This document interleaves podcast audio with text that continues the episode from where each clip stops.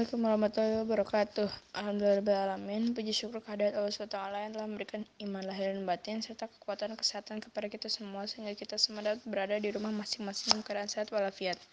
Salah satu salam dan salah satu salam semoga terus tercurahkan kepada junjungan kita Nabi besar Muhammad SAW yang telah mengantarkan umat manusia dari peradaban hidup yang jahiliyah menuju pada peradaban hidup yang modern yang perlu dengan kemajuan ilmu pengetahuan teknologi seperti yang kita rasakan pada saat ini. Semoga kita semua termasuk hamba yang taat yang berhak mendapatkan syafaatnya di hari akhir kelak. Amin ya rabbal alamin.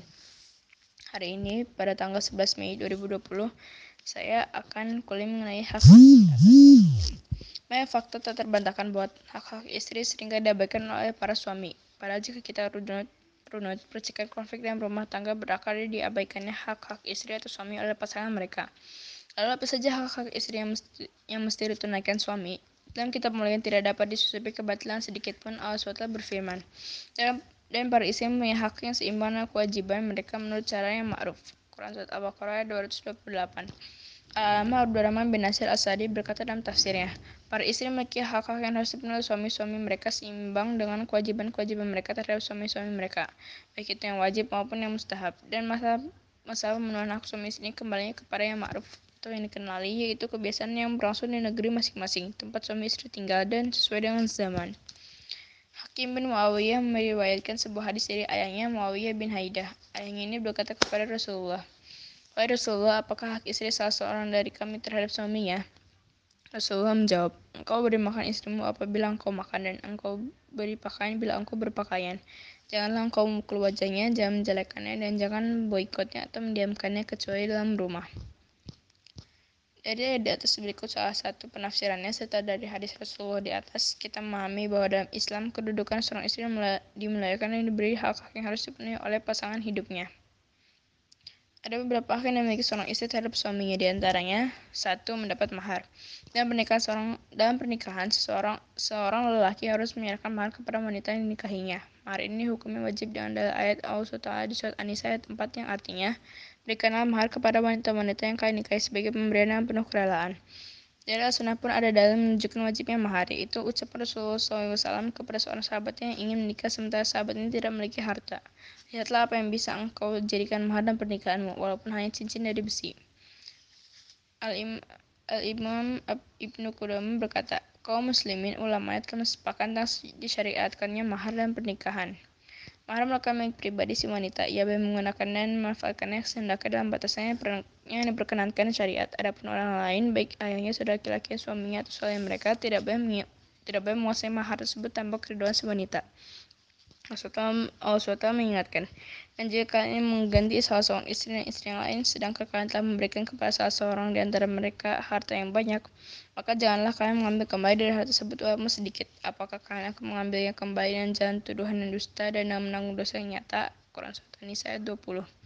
Yang kedua, seorang suami harus bergaul dengan istri secara patut atau ma'ruf dan dengan ahlak mulia. Allah berfirman, Bergaulah karena para istri secara patut. Bila kalian tidak menyukai mereka, maka bersabarlah karena mungkin kalian tidak menyukai sesuatu padahal Allah menjadikan padanya kebaikan yang banyak. Quran Surat An-Nisa ayat 19.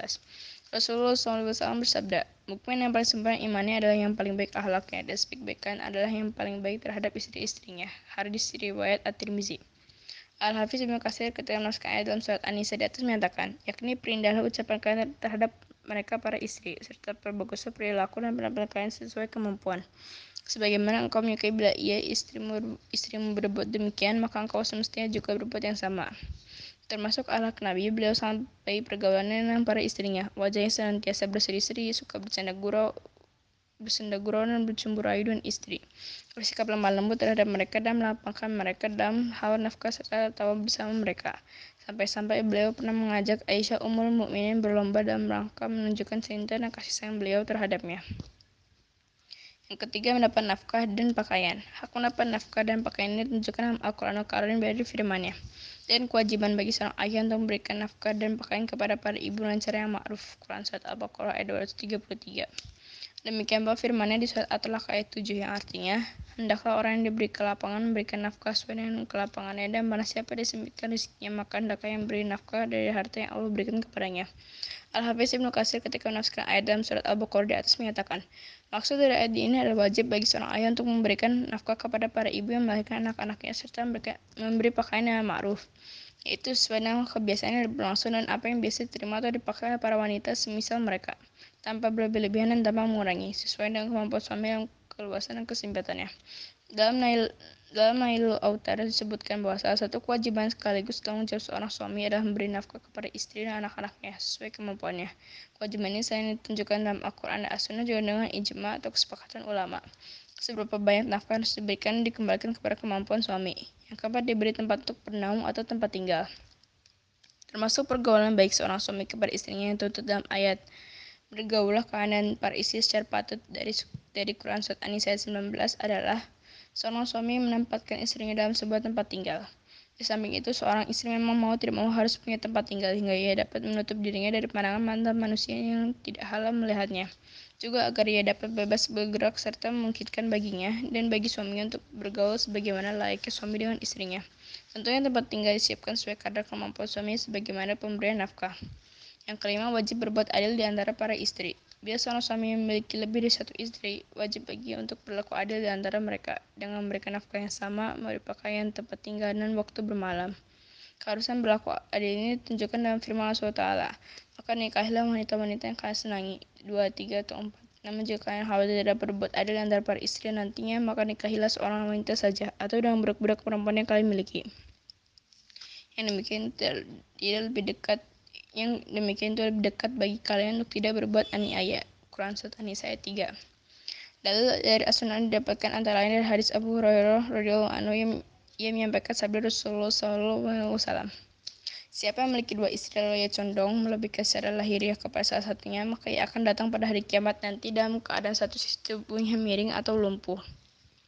Hadis di atas menunjukkan karamah sikap tidak adil dari seorang suami, di mana ia melebihkan satu istrinya dari yang lain. Sekaligus hadis merupakan dalil wajib suami menyamakan di antara istri-istrinya dalam perkara yang dia mampu untuk berlaku adil seperti dalam masalah mabit atau bermalam, makanan, pakaian, dan pembagian giliran. Namun dibantu untuk taat kepada Allah SWT, menjaga dari api neraka dan memberikan pengajaran agama. Seorang suami harus mengajarkan perkara agama kepada istrinya, terlebih lagi istrinya belum mendapatkan pengajaran agama yang cukup dan dan meluruskan tauhidnya dan mengajarkan amalan ibadah yang lainnya. Sama saja baik si suami mengajarinya sendiri atau membawanya ke majelis ilmu atau dengan cara yang lain.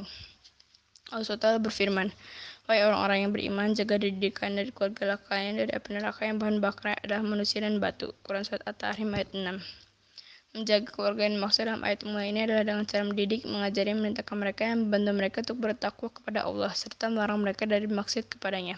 Seorang suami wajib mengajari keluarganya tentang perkara yang difardukan oleh Allah SWT.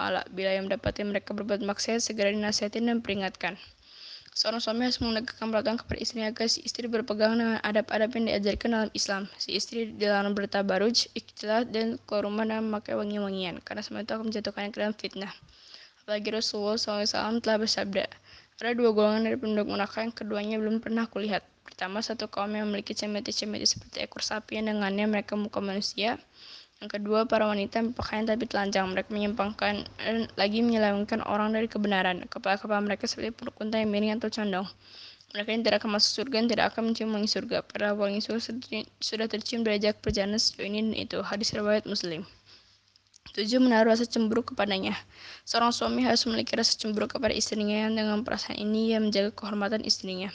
Ia tidak membiarkan istrinya bercampur bau dengan lelaki, ngobrol dengan canda dengan sembarang laki-laki. Ia tidak membiarkan istrinya ke pasar sendirian atau hanya berduaan dengan suami pribadinya. Suami yang memiliki rasa cemburu kepada istrinya tentunya tidak akan memperhadapkan istrinya kepada perkara yang memiliki rasa malu dan dapat mengeluarkannya dari kemuliaan.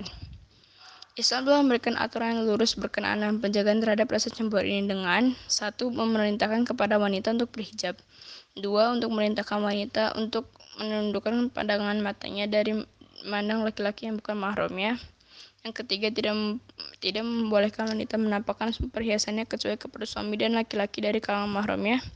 Yang keempat, tidak membiarkannya bercampur baur laki-laki yang bukan mahram. Yang kelima, tidak memperhadapkannya kepada fitnah, seperti berpergian meninggalkannya dalam waktu yang lama atau menempatkan di lingkungan, yang rusak. Sang suami hendaklah memperhatikan perkara-perkara di atas agar dapat menjaga kehormatan istrinya sebagai bentuk kecemburuannya kepada si istri. Sekian dari saya. Mohon maaf bila ada salah kata. Wassalamualaikum warahmatullahi wabarakatuh.